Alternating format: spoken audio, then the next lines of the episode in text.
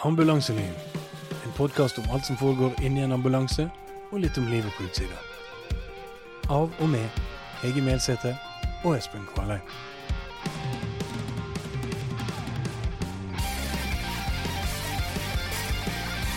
Historiene som blir fortalt i denne podkasten, er klarert med pasient eller pårørende. Du begynte jo da eh, på ambulansen i Måløy i, tilbake igjen i 2003, var det? Ja, der omkring. Det Ja.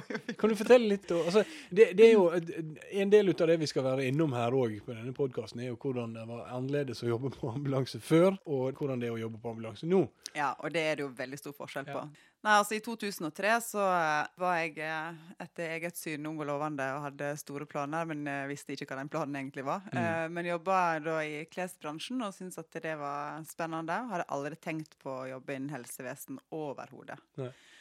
Men så hadde jeg en venninne som jobba der, og hun var sånn Ja, kanskje du kommer og bli med og se om du syns det er OK? Og jeg bare tenkte at eh, nei, det her er jo harry. Mm.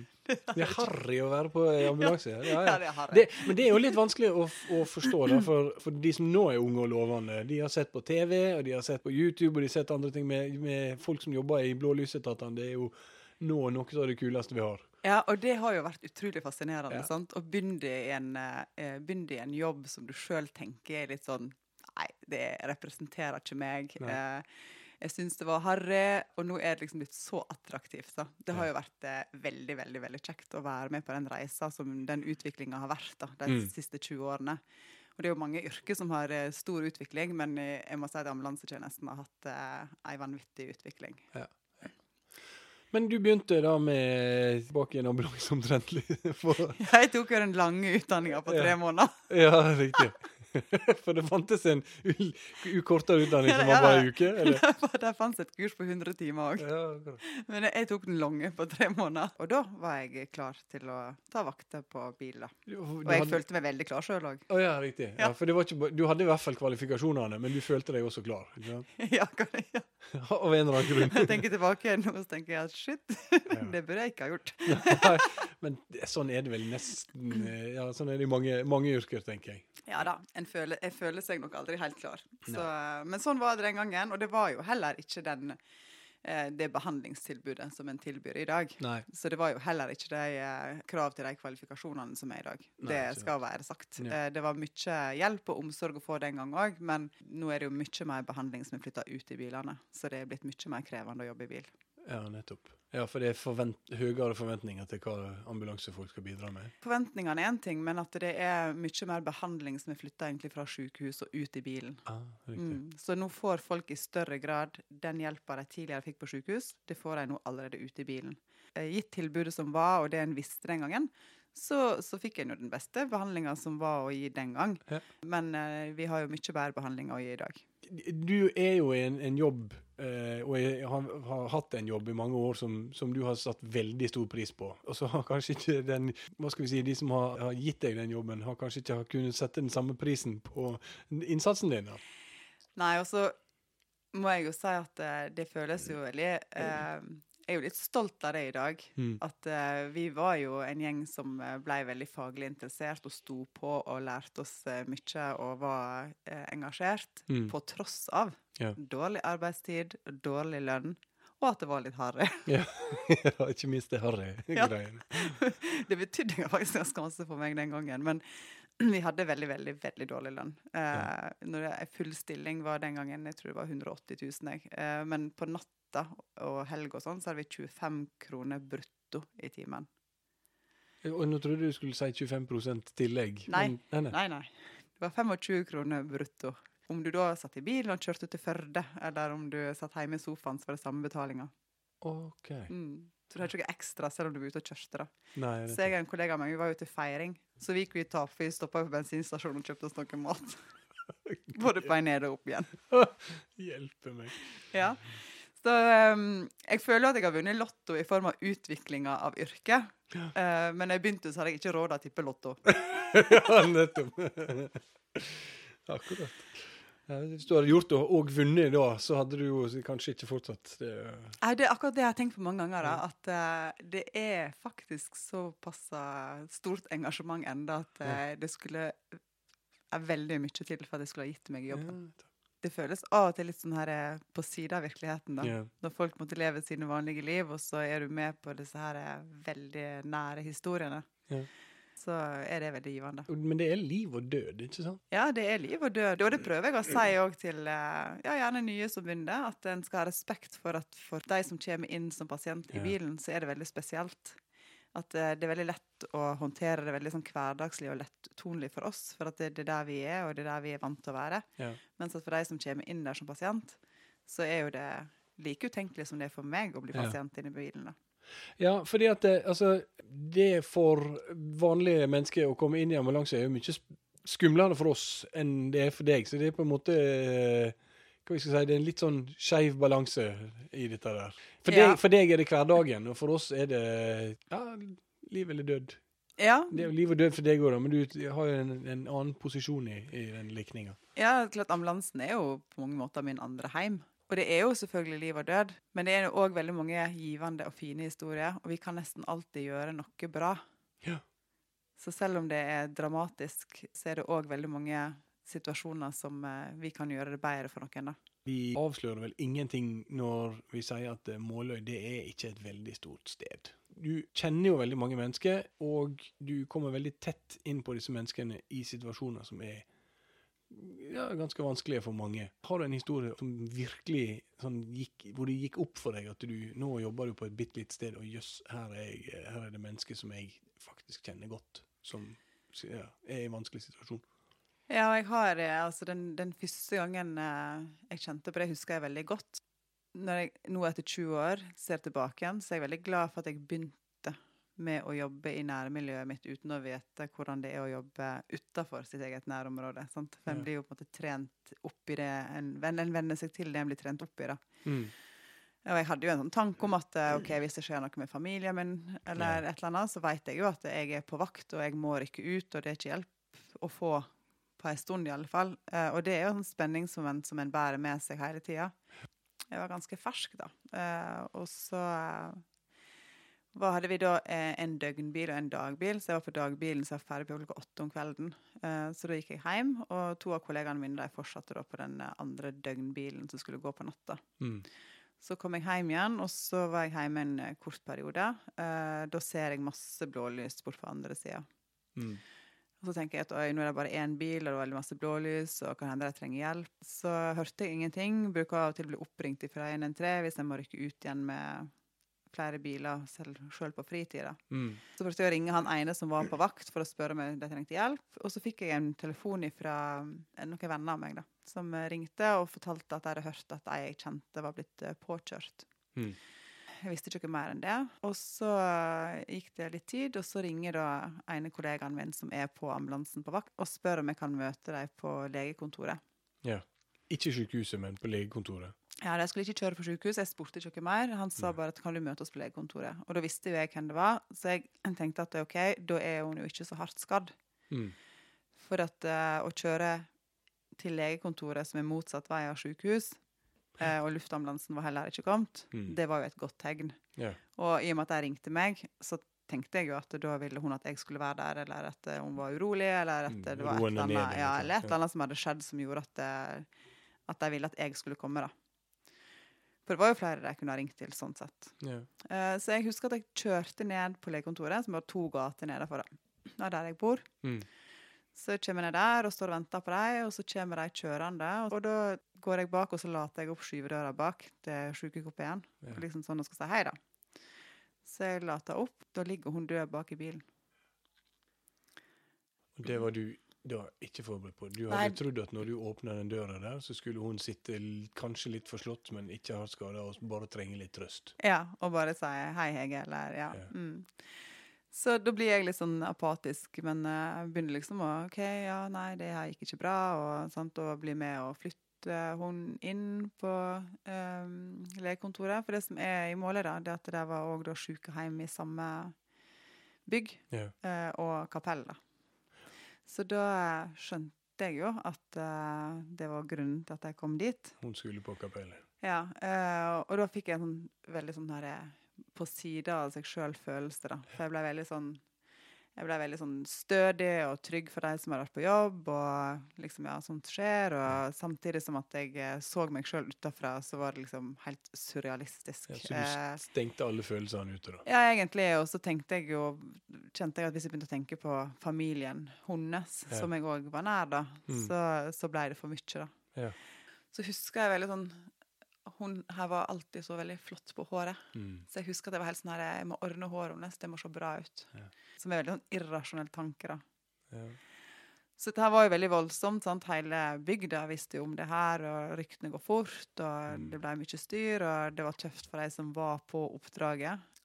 Så, ja, som hadde kommet og, og funnet henne. ja, kollegaene mine som var da i situasjonen og skulle redde henne og, og hjelpe til, og som måtte erkjenne at dette her ikke var forenlig med liv, ja, Kunne så ikke gjøre noe. kunne ikke gjøre noe. Nei, hun var død momentant. Så, så var jo det veldig tøft for dem. Så da eh, ble løsninga at eh, jeg gikk på jobb igjen, da. ja. Og tok eh, nattevakt. Eh, og fortsatte òg dagen etterpå, men jeg sov ikke et minutt den natta. Nei. Nei, for vanligvis er det, er det sånn sovende nattevakt at du kunne ha sovet hvis det Ja, det er sovende nattevakt. Eh, og um, eh, tenk tilbake igjen på det, så er det klart at jeg er jo kanskje den siste som skulle gått på den vakta. Ja. Jeg var jo på en måte personlig prega og involvert i det. Eh, det var jo ei som jeg hadde vært ganske nær, da. Ja. Så, eh, men så i situasjonen så står en i det, og så gjør en det som en tenker kan bidra med. og det var naturlig da å skulle hjelpe de kollegaene mine å ta over vakta, så da sov ikke jeg eh, eh, den natta, og sov vel heller ikke natta etterpå. Og det er jo en veldig, en veldig vanlig reaksjon, da. Og det, okay. det er jo sånn som det kan være greit for folk å vite. Sant? Ja. At eh, når du er litt i sjokk, eh, ja. så er jo det her med å ikke ha behov for søvn, og kanskje ikke ha lyst på mat ja, det her med Eh. å klare å roe seg ned så du får til å sove, Ja. får til å spise, det er kanskje ikke helt eh, lett. Nei, det er ikke helt lett. Og det er jo òg det som gjør at en bearbeider òg. Ja. At det er en helt sånn normal sjokk- eller sorgreaksjon, da. Og så fikk jeg da Ikke dagen etterpå, men dagen der igjen. Jeg hadde fortsatt Jeg hadde vært på vakt hele perioden da. I to hele dager, da? Ja da, altså Før så var vi på vakt ei uke nesten. Det var jo helt vanlig. Eh, det kan vi komme litt tilbake igjen til, hvordan det systemet var. Men eh, uh, ja, nei, jeg var da på vakt, eh, og så um, fikk vi klokka fire da, to dager etterpå. Du skal godt tidspunktet, så får vi meldt eh, hjertestans. Ja. Og da er det jo det å begynne å prøve å redde han. Ja. Uh, og da, da, da er jeg jo sliten, sant. Ja, Jeg er utslitt i utgangspunktet og egentlig føler meg ganske sånn ufokusert, fordi at eh, jeg er egentlig langt, ja, langt på minus på søvn og ganske utkjørt. Mm. Uh, Men vi klarer nå å gjøre det vi skal gjøre, og samtidig så er det for pårørende vanskelig å forstå alvoret, kanskje. Så gikk jo det dessverre ikke bra. Nei. Så da hadde du det i tillegg. Eh, Så da, da begynner det å toppe seg litt for deg. For da har du, altså Først så er det en, en nærstående, eller en, en person som du kjenner veldig godt, som, som da har forulykket. Og Mm. så eh, Det er etter at du har jobbet en hel dag, og så går du og tar vakt for å gjøre livet lettere for kollegaene dine. Og så får du da en sånn situasjon på toppen med en person du også kjenner. mm. Så da, eh, da, da tror jeg at de fleste ville ha begynt å tenke at det nå kanskje dette begeret begynner å renne over litt. Ja, og så er du sant, du er jo Ja. Du, du, eh, du er ung og står på og eh, klarer vel ikke helt å reflektere over egne behov og tenke at det, sånn er det, og dette her må vi stå i, og vi må tåle det her, og tåler ikke jeg det her, så har ikke noe her å gjøre. Og, og så var det nå en eh, klok kommunelege, da. Kommer han og skjønner jo at eh, det her må jo være henne. Ja. Så vi er på et annet oppdrag, da. Og, eh, Et tredje oppdrag etter ja, et, etter det her, ja. Å, det er nytt oppdrag, ja. ja da, det oppdragene kommer, de. Så, så kommer han bare fram i bilen og liksom 'Hvordan går det med deg?' Og da begynner jo jeg å grine. Yeah. sant? For da får jeg omsorg eh, yeah. når jeg på en måte er helt utkjørt. på felgen. Ja. Og da eh, hadde jo han en helt sånn fantastisk reaksjon. da. For Istedenfor å begynne å trøste meg, og liksom, å, sant, det her er Ja. sånn, så sa han bare OK, greit, sånn er det. Eh, I morgen klokka fire så skal vi ha en debrief, og da skal Ja. alle møte. Og der er vi sikkert veldig forskjellige. Men for meg så er det veldig sånn OK, det er løsning på problemet. Da følte jeg meg allerede sterkere.